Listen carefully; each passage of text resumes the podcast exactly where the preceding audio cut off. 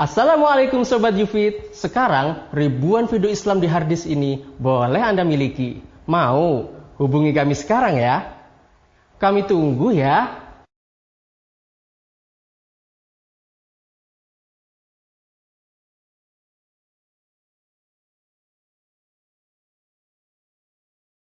Assalamualaikum warahmatullahi wabarakatuh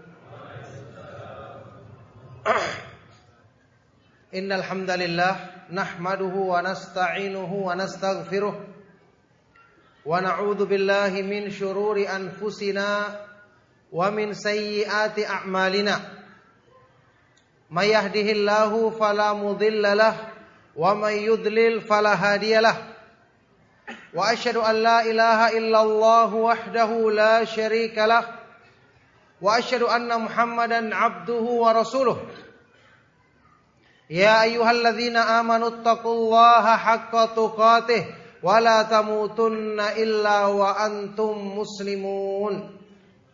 يا أيها الناس اتقوا ربكم الذي خلقكم من نفس واحدة وخلق منها زوجها وبث منهما رجالا كثيرا ونساء.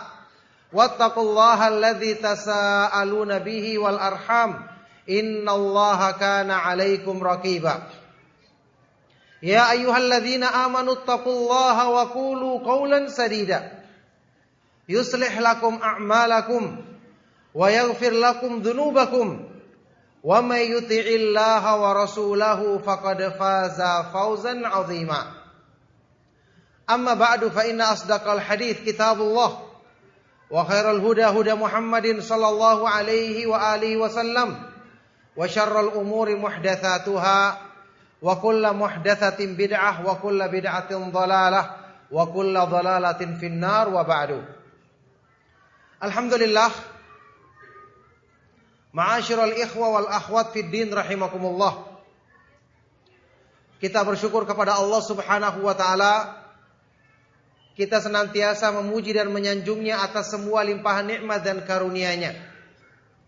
Utamanya nikmat mengenal petunjuknya yang sempurna dalam agamanya, nikmat mengenal Islam, nikmat mengenal sunnah Rasulullah Sallallahu Alaihi Wasallam, nikmat bisa terus mengadakan majelis ilmu yang merupakan sebab utama turunnya kebaikan-kebaikan, keberkahan-keberkahan dan limpahan rahmat dari Allah Subhanahu wa taala kepada kita semua. Barakallahu fikum. Ma'asyiral ikhwa wal akhwat fid din rahimakumullah. Di antara manfaat terbesar daripada ilmu yang bermanfaat yang terus kita pelajari ya, mengenal agama dengan dalilnya, mengenal tauhid dengan dalilnya, mengenal sunnah Rasulullah sallallahu alaihi wasallam dengan dalilnya, adalah membentuk hati manusia yang terbiasa untuk menetapi kebenaran, mencintainya dan mendahulukannya. Serta terbiasa untuk mengenal kebatilan, mendeteksi kebatilan untuk menjauhinya dan membencinya. Ini yang kita rasakan setelah kita menuntut ilmu, mengenal akidah ahlu sunnah wal jamaah, mengenal kebenaran dengan dalilnya. Tentu antum semua sering merasakan dan menyaksikan. Ketika terjadi perbuatan-perbuatan buruk di masyarakat, ya, kita rasakan kenapa orang mau melakukan keburukan tersebut Padahal jelas-jelas ini bertentangan dengan agama. Kita rasakan itu sangat buruk, misalnya perbuatan syirik. Jelas-jelas tidak masuk akal. Menyekutukan Allah Subhanahu wa taala yang maha sempurna, yang maha kaya dan maha kuasa, maha perkasa dengan makhluk yang lemah. Tidak masuk akal bagi kita. Tapi kenapa masih ada orang yang melakukannya? Perbuatan-perbuatan yang menyimpang dari sunnah Rasulullah Sallallahu Alaihi Wasallam terjadi di sebagian masyarakat. Semoga Allah Subhanahu wa taala memberikan hidayah kepada mereka untuk kembali kepada kebenaran. Kita ingkari, kita rasakan ini sangat buruk, tapi masih ada juga orang-orang yang mengerjakannya dan menganggap baik perbuatannya. Coba antum lihat, di sini terlihat perbedaan nyata antara orang yang hatinya terbiasa diisi dengan kebenaran Hatinya terbiasa mengenal dalil. Terbiasa dibacakan di hadapannya ayat-ayat Al-Quran dengan penafsiran yang benar, nukilan dari para ulama salaf. Terbiasa dibacakan di hadapannya hadis-hadis yang sahih dari Rasulullah Sallallahu Alaihi Wasallam, sehingga secara tabiat hatinya dia akan mengingkari ketika melihat atau mendapatkan satu amal yang tidak bersumber dari dalil yang benar. Coba untuk merasakan. Ini didapati oleh orang-orang yang telah lama menuntut ilmu, mengenal kebenaran dengan dalilnya, kemudian kebenaran itu menancap kuat dalam hatinya. Dan ternyata inilah yang akan menjadi sebab dengan izin Allah Subhanahu wa taala manusia akan selamat dalam mengarungi hidupnya. Ingat, Allah Subhanahu wa taala menjadikan iman itu di hati. Tempat asalnya. Hati juga yang nanti akan mengendalikan anggota badan. Dan yang pertama kali dan selalu berusaha diserang oleh syaitan pada diri manusia adalah dimulai dari hatinya. Fitnah ditampakkan oleh syaitan ke hati manusia supaya merusak keyakinannya, supaya menjadikan dangkal pemahamannya. Akhirnya mudah dipengaruhi. Dalam hal inilah sahabat yang mulia Abdullah bin Mas'ud radhiyallahu taala anhu menyatakan sebuah ucapannya yang terkenal yang menjadi tema bahasan kajian kita di malam hari ini. Halaka man lam yakun lahu qalbun ya'rifu bihi ma'rufan wa yungkiru bihi mungkaron. Binasalah, celakalah. Akan hancur seseorang yang tidak memiliki hati. Yang dengan hatinya itu dia mengenal kebaikan sebagai kebaikan, mengenal kebaikan sebagai yang ma'ruf dan mengingkari kemungkaran sebagai keburukan. Orang yang tidak punya hati yang bisa membedakan dengan sendirinya mengetahui ini yang benar sehingga dia tenang untuk mengikuti dan mengutamakannya, mengetahui keburukan sehingga dengan sendirinya dia menjauhi dan mengingkarinya. Orang yang tidak punya hati seperti ini, maka dia termasuk orang-orang yang celaka dan orang-orang yang binasa. Dia akan mudah termakan tipu daya syaitan. Ma'asyiral ikhwa wal akhwat fid din rahimakumullah. Ucapan Abdullah bin Mas'ud ini dinukil oleh Imam Ibnu Qayyim rahimahullah taala dalam kitab Ighathatul Lahfan ketika menjelaskan tentang perbedaan antara hati yang sehat dan hati yang sakit. Hati yang sehat dan hati yang sakit. Ini kunci kebaikan yang menentukan jalan hidup manusia. Yang menentukan jalan hidup manusia. Antum dalam kehidupan tidak akan bisa terhindar dari fitnah, syubhat dan syahwat. Kejadian-kejadian yang akan mempengaruhi hati kita. Ya. Bukan cuma hal-hal yang haram saja yang akan merusak hati. Tentu perkara-perkara yang haram ini akan merusak cahaya iman, menutupi hati dengan keburukan, ini sudah pasti. Tapi sekarang permasalahannya perkara-perkara yang mubah. Asalnya. Contoh, kita mencintai seseorang mubah, mencintai anggota keluarga kita, mencintai anak dan istri atau anak dan suami, mencintai harta, mubah asalnya. Tetapi kalau tidak diimbangi dengan kecintaan yang lebih dominan di hati kepada Allah, kepada agamanya, lama-lama kecintaan yang mubah ini akan bisa merusak. Penentunya adalah di hati kita. Mana yang mendominasinya, mana yang lebih kuat menancap di dalamnya, itu yang akan menjadi penentu bagi seorang manusia.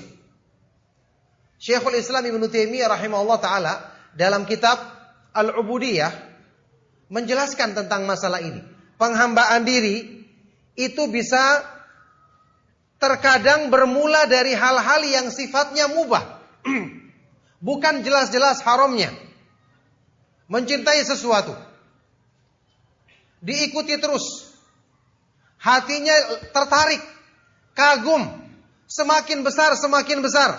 Sementara di hati ini belum diisi dengan dominasi cinta kepada Allah. Lama-kelamaan orang ini akan binasa dengan cintanya. Lama-kelamaan dia akan berpaling dari tauhid yang sesungguhnya. Tentu sudah pernah saya jelaskan mungkin di sini. Cinta kepada Allah subhanahu wa ta'ala yang merupakan landasan iman yang paling utama. Yang dituntut dari kita bukan hanya sekedar mencintai Allah. Tapi harus menjadikan cinta kepada Allah lebih daripada apa pun yang ada di dunia ini. Jadi kalau masih sama cinta kepada Allah dengan makhluk, baik itu harta, orang-orang yang kita cintai atau siapa pun, masih seimbang, ini masih merupakan perbuatan syirik. Ini belum menyelamatkan manusia dari syirik. Coba kita bayangkan, berarti dekat sekali kemungkinan manusia itu terjerumus ke dalam syirik karena betapa banyak sebab-sebab yang menjadikan dia mencintai dan tertarik dengan sesuatu dalam kehidupan di dunia. Coba lihat makna firman Allah Subhanahu wa taala dalam surat Al-Baqarah. Wa minan nasi may yattakhidhu min dunillahi andada yuhibbunahum ka hubbillah walladzina amanu asyaddu hubban lillah dan di antara manusia ada orang-orang yang menjadikan tandingan-tandingan selain Allah yang mereka itu mencintai tandingan-tandingan ini seperti mencintai Allah. Sedangkan orang-orang yang beriman lebih besar kecintaan mereka kepada Allah. Lihat, pelaku-pelaku syirik ini di, dikatakan mengambil tandingan-tandingan sekutu-sekutu selain Allah yang mereka mencintai sekutu-sekutunya seperti mencintai Allah. Berarti mereka mencintai Allah. Punya kecintaan kepada Allah. Tapi dijadikan sama dengan kecintaan kepada sembahan-sembahannya. Jadi cinta saja tidak cukup. Nah lihat, proses ini dialami oleh manusia dalam kehidupannya. Ketika dia sibuk dengan sesuatu. Mungkin asalnya mubah. Bahkan mungkin asalnya kalau ditujukan untuk kebaikan ada keutamaannya. Makanya orang semangat melakukannya. Tapi ternyata tipu daya syaitan itu benar-benar kuat kalau manusia tidak segera membentengi dirinya dengan iman dan tauhid yang benar. Tidak menjadikan hatinya terbiasa selalu diisi dengan cahaya kebenaran. Selalu diisi dengan ah, mengenal kebenaran dengan dalilnya. Itu yang mendominasi dan menguasai hati sehingga hati akan terbentuk tabiatnya yang kuat untuk mudah membedakan mana yang baik dan mana yang buruk. Antum ingat sebuah faedah yang pernah disampaikan oleh Imam Ibnu Qayyim dalam kitab yang saya sebutkan tadi. Tentang makna firman Allah Subhanahu wa taala dalam surat Al-Munafikun. Kenapa di akhir surat Al-Munafikun Allah Subhanahu wa taala mengingatkan orang-orang yang beriman dari kelalaian terhadap harta dan anak. ya ayyuhalladzina amanu la tulhikum amwalukum wala auladukum an dzikrillah Wa may yaf'al dzalika faulaika humul khasirun. Wahai orang-orang yang beriman, janganlah kamu dilalaikan dengan apa? Harta dan anak-anakmu dari mengingat Allah. Sekarang hukum asalnya mencintai anak, mencintai harta kita yang halal kita dapatkan, boleh apa tidak? Boleh. Allah ingatkan, jangan sampai dilalaikan. Disibukkan dengan mengurus harta dan anak-anak dari mengingat Allah. Melalaikan kita dari mengingat Allah. Barang siapa yang melakukan ini maka dia adalah orang-orang yang rugi. Pertanyaannya, apa hubungannya ayat ini dengan surat Al-Munafikun? Orang-orang munafik jelas orang-orang yang menyembunyikan kekufuran di hatinya. Allah terangkan di ayat-ayat ini, di awal-awal ayat ini. Kenapa di akhirnya Allah ingatkan dengan kelalaian dengan harta dan anak-anak? Kata Imam Ibnu Qayyim ini nyambung dan Al-Qur'an tidak mungkin tidak nyambung. Tidak mungkin pembahasannya itu tidak ada hubungannya satu sama yang lainnya. Beliau jelaskan ternyata sifat nifa kemunafikan itu bisa timbul dari kelalaian karena disibukkan mengurusi hal-hal yang ingat, bukan yang asalnya haram. Kalau asalnya haram jelas pengaruhnya lebih besar lagi. Sampai yang mubah pun, yang asalnya diperbolehkan pun itu bisa melalaikan manusia kalau hatinya tidak dibentengi dengan benteng iman yang kuat, ya dominasi cinta kepada Allah menguasainya sehingga tidak menjadikan kecintaan kepada makhluk bisa menguasai hatinya. Nah, kita lihat di sini proses ketika urusan-urusan dalam kesibukan kita dalam urusan dunia itu bagaimana bisa membentuk syubhat di hati manusia pemahaman yang rusak di hati manusia yang ini akan memudahkan syaitan setelah itu memasukkan tipu dayanya pada diri hamba tersebut. Nah inilah ikhwani wa akhwati fiddin rahimakumullah. Sebabnya kenapa kita harus tetap terus mempelajari kebenaran.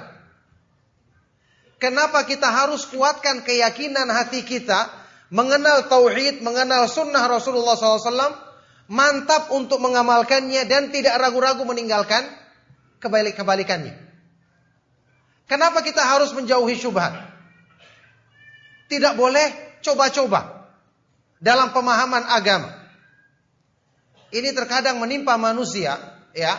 Ada sebagian orang yang punya rasa pede yang tinggi. Dia sudah tahu kebenaran. Dia sudah tahu ini yang hak, tapi dia penasaran. Bagaimana sih rasanya kalau mengikuti pemahaman bid'ah? Mungkin dalam pikiran dia, ah saya kan cuma kenal saja. Saya cuma tahu isinya terus saya tinggalkan. Ini orang yang tidak paham tentang hati. Hati itu lemah. Antum ketahui. Inna masummiyal qalbu min taqallubihi. Hati itu dinamakan hati karena apa? Ya taqallab, mudah berbolak-balik. Ada sebagian orang seperti tadi. Hanya sekedar coba-coba. Coba-coba baca pemahaman bid'ah. Padahal belum kuat pemahamannya terhadap sunnah. Coba-coba berkecimpung mengikuti fitnah. Padahal benteng imannya belum kuat. Ada lagi sebagian orang yang merasa dirinya pintar. Merasa dirinya pintar. Ada hal-hal yang berhubungan dengan agama dia baca dalil, dia berusaha pahami dengan nalarnya sendiri. Dengan kemampuan berpikir akalnya sendiri. Ini mungkin sekali dua kali belum terasa. Tetapi syaitan sudah memasukkan perangkapnya pada orang seperti ini. Antum tahu, ilmu itu cahaya.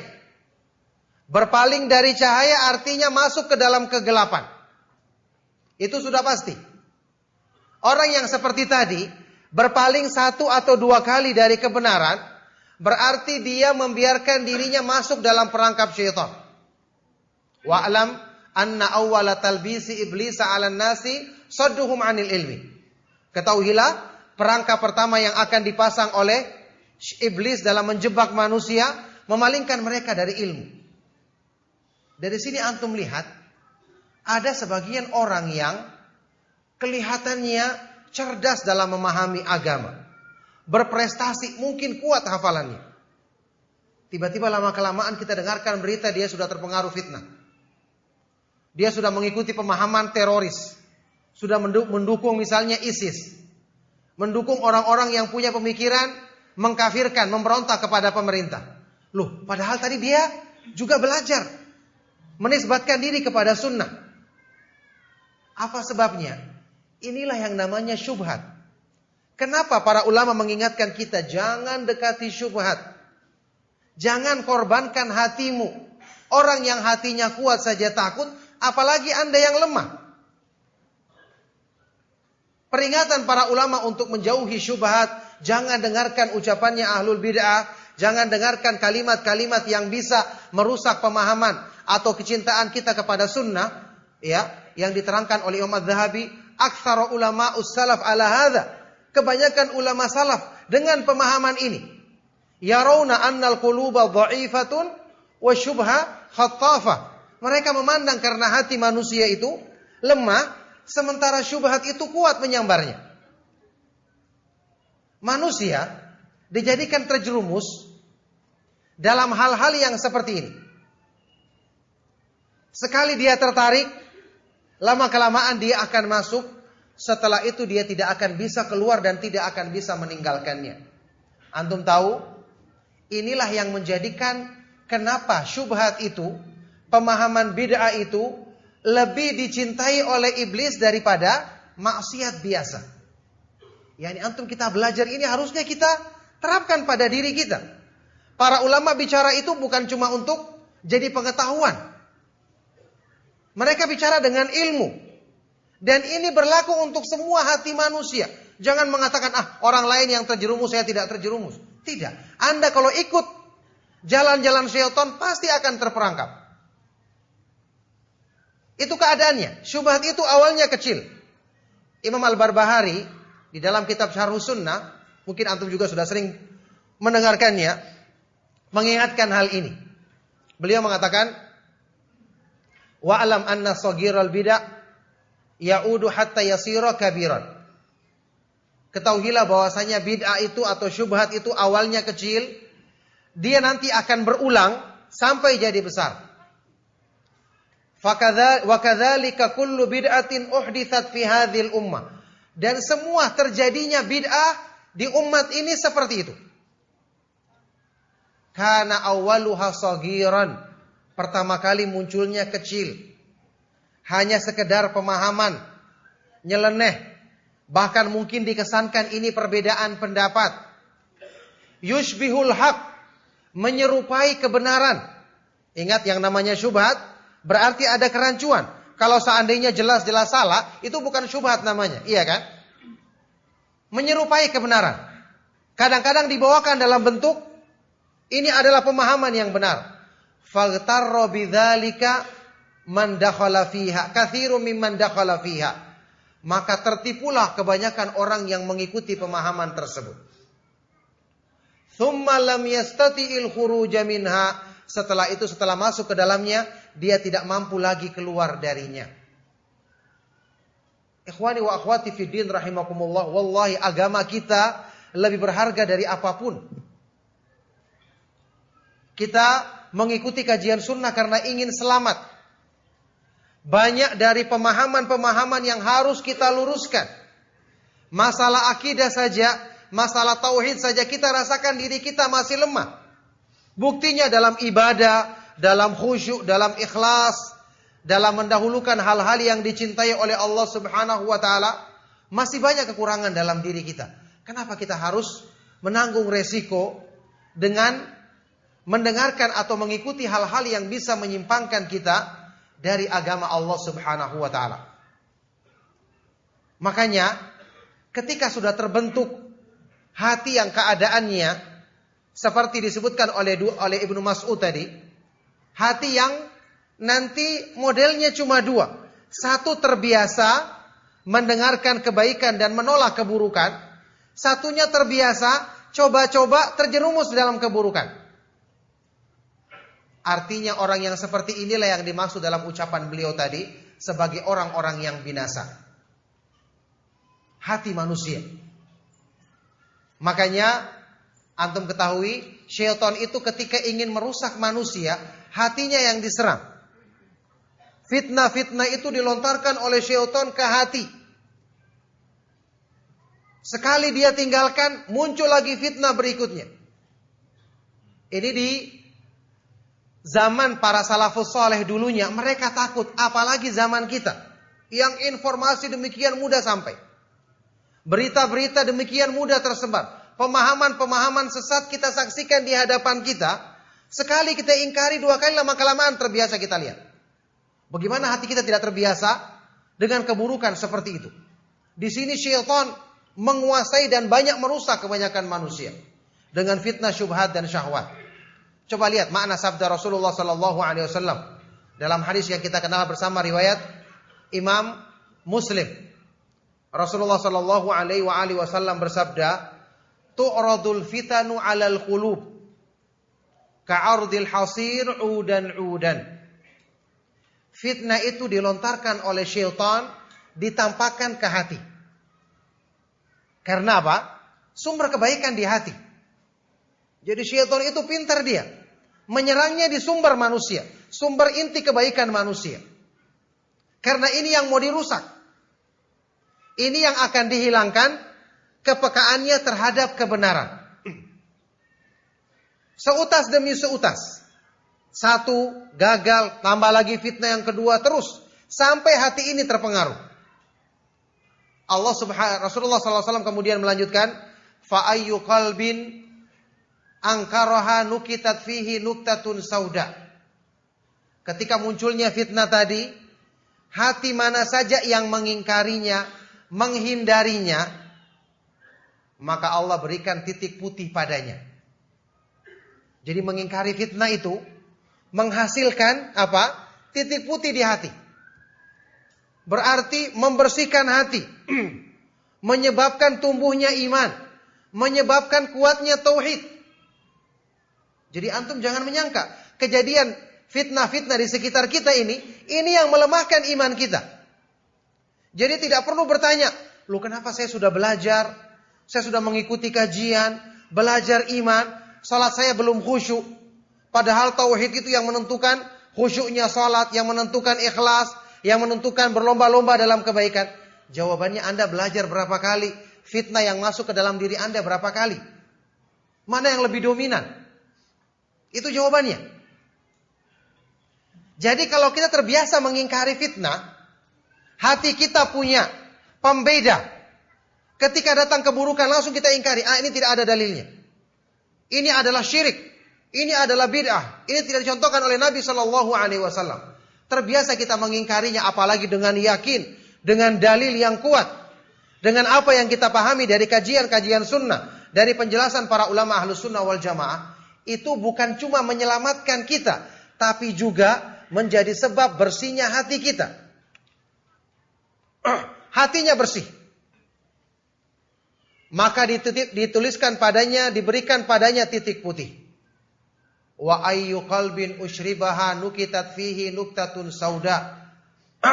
Sementara hati mana saja yang menyerap fitnah tersebut diberikan satu titik hitam padanya. Sekali satu, mungkin belum terasa buruknya. Dua kali titik hitam. Lama kelamaan penuh titik hitam. Dan masalahnya tadi, syubhat itu tidak berhenti pada satu. Sekali orang tertarik, mencoba yang kedua, ketiga, lama kelamaan terjerumus, tidak bisa keluar, dia telah menjadi tempatnya syaitan untuk menanamkan fitnahnya, akhirnya binasa hatinya. Hancur, semuanya hitam. Di akhir hadis ini Rasulullah SAW menjelaskan fa'adatil qulubu ala qalbain. Nanti terakhirnya seiring dengan berlalunya fitnah-fitnah yang banyak dilontarkan oleh syaitan, cuma ada dua hati, tidak ada yang ketiga kesimpulannya. Hanya ada dua hati manusia. Pertama hati yang putih bersih. Yang kedua hati yang hitam tertutup dengan noda hitam. Ini selalu menghindari fitnah, ini selalu menyerap fitnah. Nah, hati yang putih ini Rasulullah SAW bersabda, "La tadurruhul fitnatu madamatis samawati wal ard." Dia tidak akan dipengaruhi oleh fitnah, tidak akan dirusak oleh keburukan apa pun selama langit-langit dan bumi masih ada, yakni sampai hari kiamat. Jadi sebab penjagaan dari Allah itu dengan kita mengusahakan hati kita bersih, diisi dengan iman. Inilah maknanya kolbun salim, hati yang selamat yang diterima oleh Allah Subhanahu wa taala ketika menghadapnya. Sementara hati yang penuh dengan fitnah, hitam, apa ciri-cirinya atau apa sifat yang akan dihasilkan dari hati yang buruk ini? Kata Rasulullah SAW, La ya'rifu ma'rufan wa la yunkiru munkaran illa ma ushriba min hawahu dia tidak akan mengenal kebaikan sebagai kebaikan. Tidak akan mengenal keburukan sebagai keburukan. Kecuali yang bersumber dari keinginan hawa nafsunya. Nah di sini kita lihat yang saya katakan tadi. Ketika ada orang-orang yang melakukan perbuatan buruk. Kita jelas-jelas ingkari keburukannya. Menurut kita dengan pemahaman yang benar. Dalilnya jelas tentang buruknya hal tersebut. Kenapa dia mau mengikutinya, mau membelanya, mengamalkannya mati-matian? Kenapa? Karena ini keadaan hati kalau sudah tertutup. Inilah keadaan hati kalau sudah dikuasai oleh tipu daya syaitan. Menjadi sarangnya keburukan. Jadi ikhwani wa akhwati fiddin rahimakumullah. Kita itu dijaga dengan manhaj ahlus sunnah wal jamaah. Dijaga dengan akidah yang benar dengan pemahaman terhadap sunnah Rasulullah SAW, menjauhi segala syubhat, kalimat-kalimat yang bisa mempengaruhi pemahaman kita, tujuannya untuk menjaga kelemahan hati kita agar tidak mudah terpengaruh dengan hal-hal yang menjerumuskan kita dan menyimpangkan kita dari jalan Allah Subhanahu wa taala. Ingat, syaitan tidak menggoda manusia itu dengan godaan yang sama antara yang diterapkannya pada orang-orang yang tidak mengenal sunnah Rasulullah SAW dengan orang-orang yang mengenal sunnah Rasulullah SAW.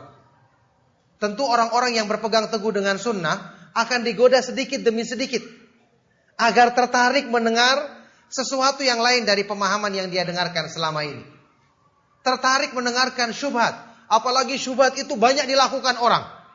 Orang sedang rame-rame mengikutinya. Tentu ada ketertarikan kita untuk mengikutinya. Coba-coba ikut.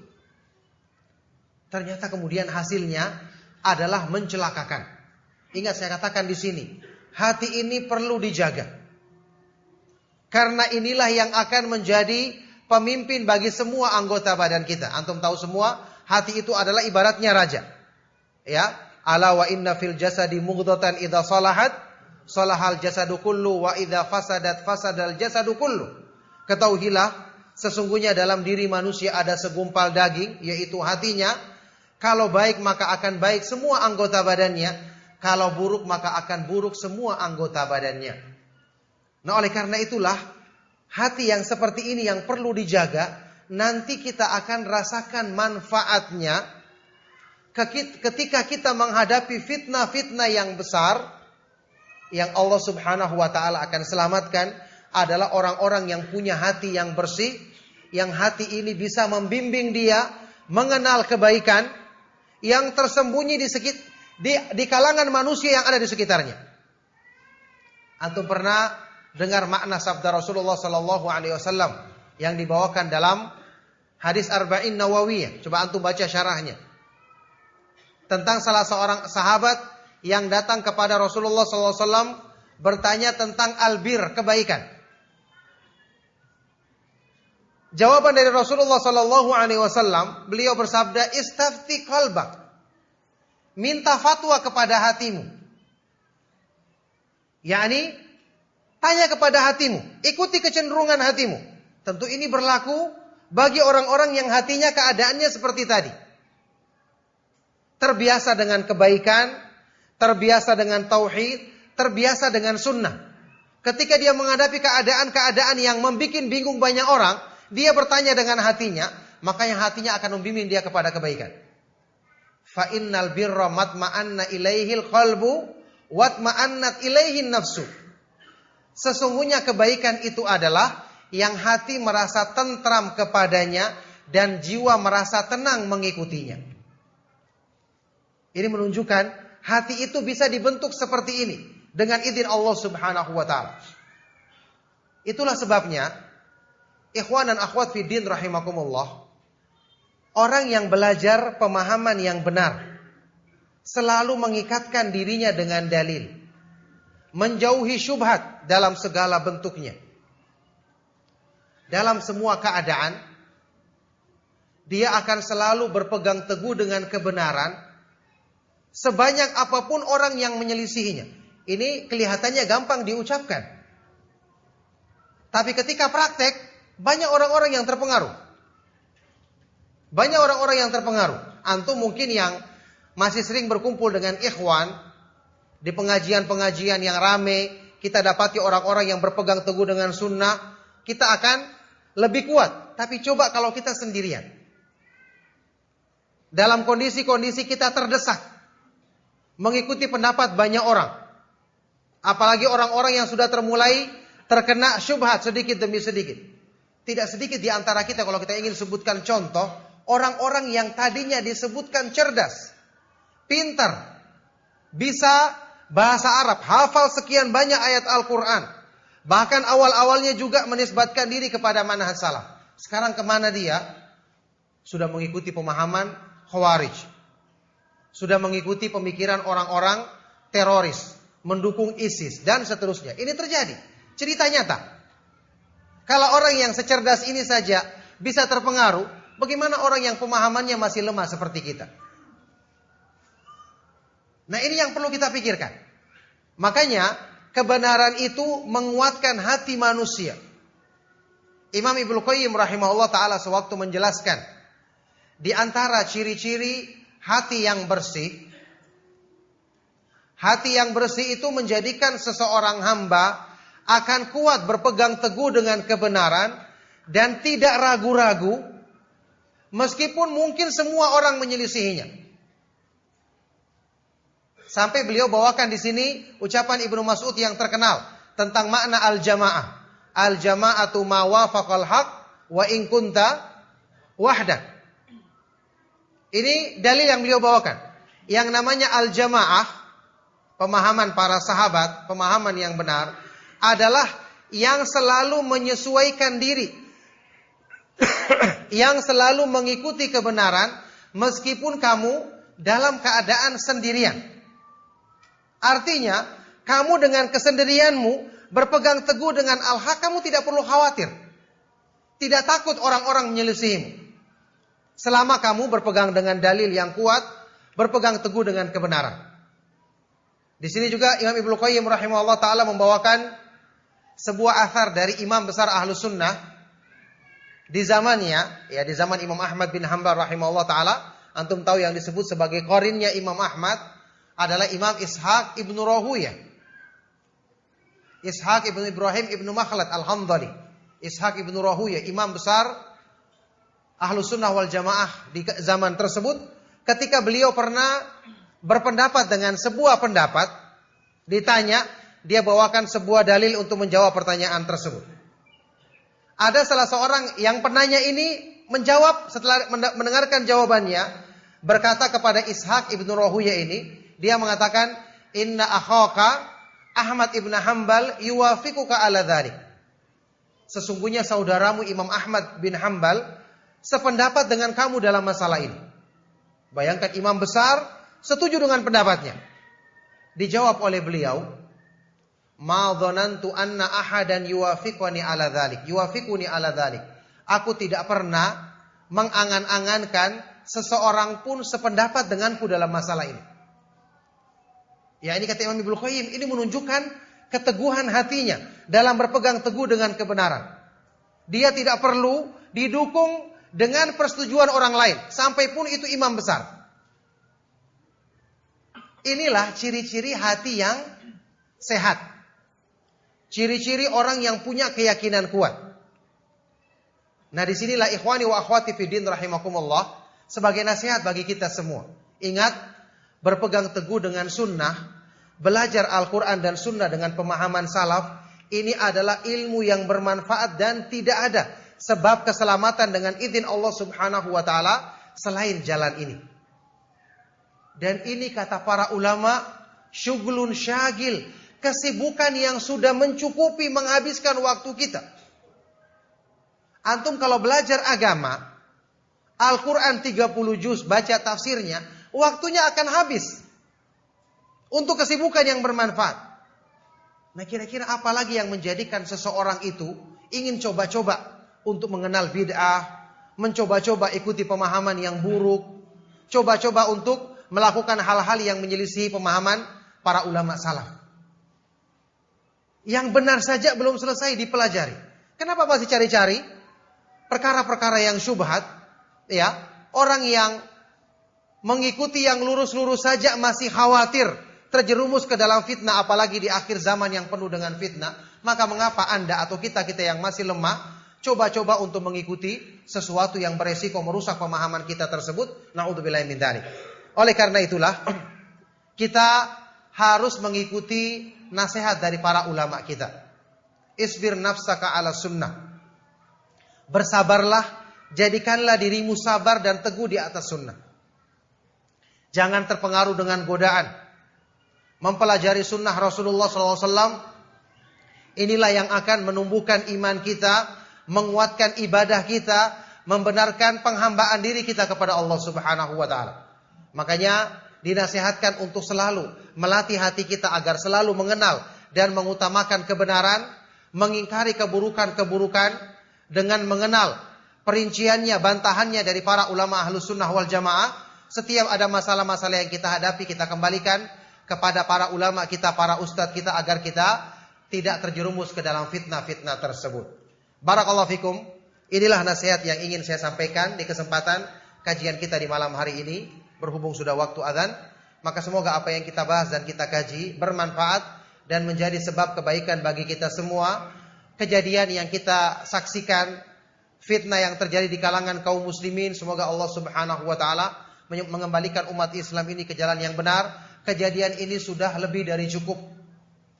Seseorang itu tidak perlu terjerumus dulu baru kemudian sadar. Iya kalau masih ada kesempatan untuk sadar. As-sa'idu man wu'idha bi. Orang yang berbahagia, yang beruntung adalah yang mendapatkan pelajaran dari kejadian yang menimpa orang lain. Tidak perlu dia dia dia juga harus mengalaminya. Karena belum tentu kalau dia mengalaminya kemudian dia bisa dapatkan taufik untuk kembali ke jalan yang benar. Nauzubillah min dzalik. Barakallahu fikum. Semoga apa yang saya sampaikan sebagai nasihat bermanfaat bagi kita semua dan menjadi sebab kebaikan dan perbaikan. Mohon maaf jika ada yang salah atau kata-kata yang kurang berkenan. Saya cukupkan sallallahu wasallam wa baraka ala nabiyina Muhammad wa ala alihi wa sahbihi wa man tabi'ahum bi ihsan ila yaumiddin wa akhiru da'wana alhamdulillahi rabbil alamin. Ya, ada pertanyaan, apakah belajar panahan melalaikan? Apakah zikir atau doa yang dibaca ketika melepaskan anak panah agar tidak melalaikan? Apakah benar olahraga panahan salah satu olahraga yang disukai Rasulullah SAW? Iya, kita ketahui di dalam beberapa hadis yang sahih, ya, di antaranya hadis yang disahihkan oleh Syalal Albani juga tentang masalah hal-hal yang melalaikan yang dikecualikan termasuk panah memanah, melatih memanah ya. Rasulullah SAW bersabda, "Kullu lahwin yalhu bihi ibnu Adam batil." Semua permainan yang dilakukan oleh manusia batil ya. Illa yang dikecualikan pertama pertama muda abatuhu limroatihi ketika dia bercumbu atau bergurau dengan istrinya. Wa mula abatuhu bifarasihi latihan berkuda Kemudian romyuhu biqausihi ketika dia memanah dengan busur panahnya wasibaha dan berenang. Kemudian juga sabda Rasulullah SAW tentang yang dimaksud dengan kekuatan yang harus kita siapkan untuk mempersiapkan melawan musuh kita, musuh-musuh Allah Subhanahu wa taala. Ala innamal quwwatu ramyu. Ketahuilah kekuatan yang dimaksud adalah ar-ramyu, yakni memanah. Ini yang dimaksudkan dengan kekuatan dalam ayat tersebut. Makanya olahraga atau latihan memanah dengan niat untuk dalam rangka mengamalkan sunnah Rasulullah Sallallahu Alaihi Wasallam dan bahkan perintah Allah Subhanahu Wa Taala untuk menyiapkan kekuatan melawan musuh ini adalah olahraga yang diperintahkan dalam Islam lebih baik daripada bentuk kegiatan-kegiatan yang lain yang tentu dalam hal ini juga kita harus mempertimbangkan hal-hal yang uh, bisa mendatangkan fitnah ya. Jadi kalau kita latihan memanah apalagi itu resmi satu madrasah misalnya atau kelompok tertentu yang ingin mengamalkan sunnah maka minta izin sampaikan kepada pemerintah agar tidak dianggap melakukan hal-hal yang mungkin uh, berhubungan dengan pemahaman-pemahaman teroris misalnya. Sampaikan kepada pemerintah agar nanti terdaftar dengan resmi kemudian lakukan ini dengan cara yang baik yang tidak menjadikan sebab-sebab fitnah atau kelalaian dari waktu-waktu beribadah kepada Allah Subhanahu wa taala. Nah, tindakan apa yang paling baik yang harus kita lakukan jika di sekitar kita keluarga masih banyak kita lihat melakukan perbuatan perbuatan syubhat dan bid'ah. Tidak ada tindakan yang lebih baik daripada mengajak mereka dengan cara berdakwah dengan cara yang lemah lembut. Dakwah itu adalah sebab untuk terbukanya hati manusia. Rasulullah SAW dan para nabi alaihi wasallam tugas mereka berdakwah, mengajak manusia ke jalan Allah. Ini ini menunjukkan ya dengan taufik dari Allah Subhanahu wa taala, sebaik-baik cara untuk mengajak manusia kembali kepada kebenaran dan meninggalkan keburukan adalah dakwah. Dakwah dengan sampaikan dengan ilmu, sampaikan dengan ajakan-ajakan nasihat yang baik. Ini syahaya ya tentu dengan doa kepada Allah Subhanahu wa taala semoga hati mereka terbuka untuk menerima kebenaran. Ajaran apa itu tasawuf dan sufi mereka menyesatkan kami yang mengaji di sini. ya. Tasawuf atau sufi itu sudah kita ketahui dari namanya sendiri. Itu diambil dari asal kata-kata suf atau suf, bulu domba. Nisbat kepada bulu domba.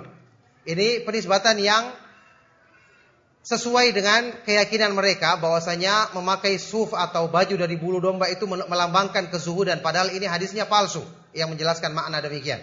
Yang jelas ajaran ini tidak ada di zaman generasi yang utama ya ini para sahabat radhiyallahu taala anhum ajma'in baru munculnya di akhir-akhir zaman tabi'in itu pun diingkari oleh para ulama di zaman tersebut. Makanya tidak ada para ulama tabi'in itu yang punya pemahaman yang disebutkan tadi. Al Hasan Al Basri dinisbatkan kepada ini, Fudail ibnu Iyad ini semua penisbatan yang dusta. Mereka tidak menggolongkan diri kecuali kepada sunnah Rasulullah Sallallahu Alaihi Wasallam dan kepada pemahaman para sahabat. Makanya seperti para ulama menjelaskan ini adalah pemahaman yang tidak ada di generasi awal umat Islam ini seperti penjelasan dari Syekhul Islam Ibnu Taimiyah dan para ulama yang lain. Nah, bagaimana cara agar tidak terjebak ke dalam terjatuh ke dalam kemaksiatan di kala sendiri? harus mempersiapkan iman yang dengan itu iman itu kita akan meyakini sempurnanya pengawasan dan penglihatan Allah di mana pun kita berada. Ini tingkatan muraqabatullah, tingkatan ihsan. Tingkatan yang tertinggi di dalam Islam. Anta'budallaha ka'annaka tarahu fa illam takun tarahu fa innahu yarah. Kamu beribadah kepada Allah seolah-olah kamu melihatnya. Kalau kamu tidak melihatnya maka sesungguhnya Allah Maha melihatmu. Yang seperti ini harus dipersiapkan, dikuatkan dari segi keimanan kita. Supaya perasaan merasakan pengawasan Allah, ketakutan kepada Allah lebih besar dibandingkan ketakutan kita kepada makhluk. Orang-orang yang lebih menghargai atau lebih takut kepada makhluk, menjadikan dia ketika dia di hadapan makhluk, menampakkan diri seolah-olah tidak berbuat maksiat, tapi ketika dia sendiri, dia tidak takut kepada yang maha melihatnya, maka dia melakukan perbuatan maksiat. Ini semua cara mengatasinya tidak lain adalah menguatkan keimanan, dalam hal ini menyempurnakan sifat muraqabatullah selalu merasakan pengawasan Allah dalam diri hamba tersebut. Nah, Iya kita cukupkan sampai di sini pertanyaan karena sudah waktu setengah delapan. Kita akhiri. Subhanakallahumma bihamdika asyhadu an la ilaha illa anta astaghfiruka wa atubu ilaik.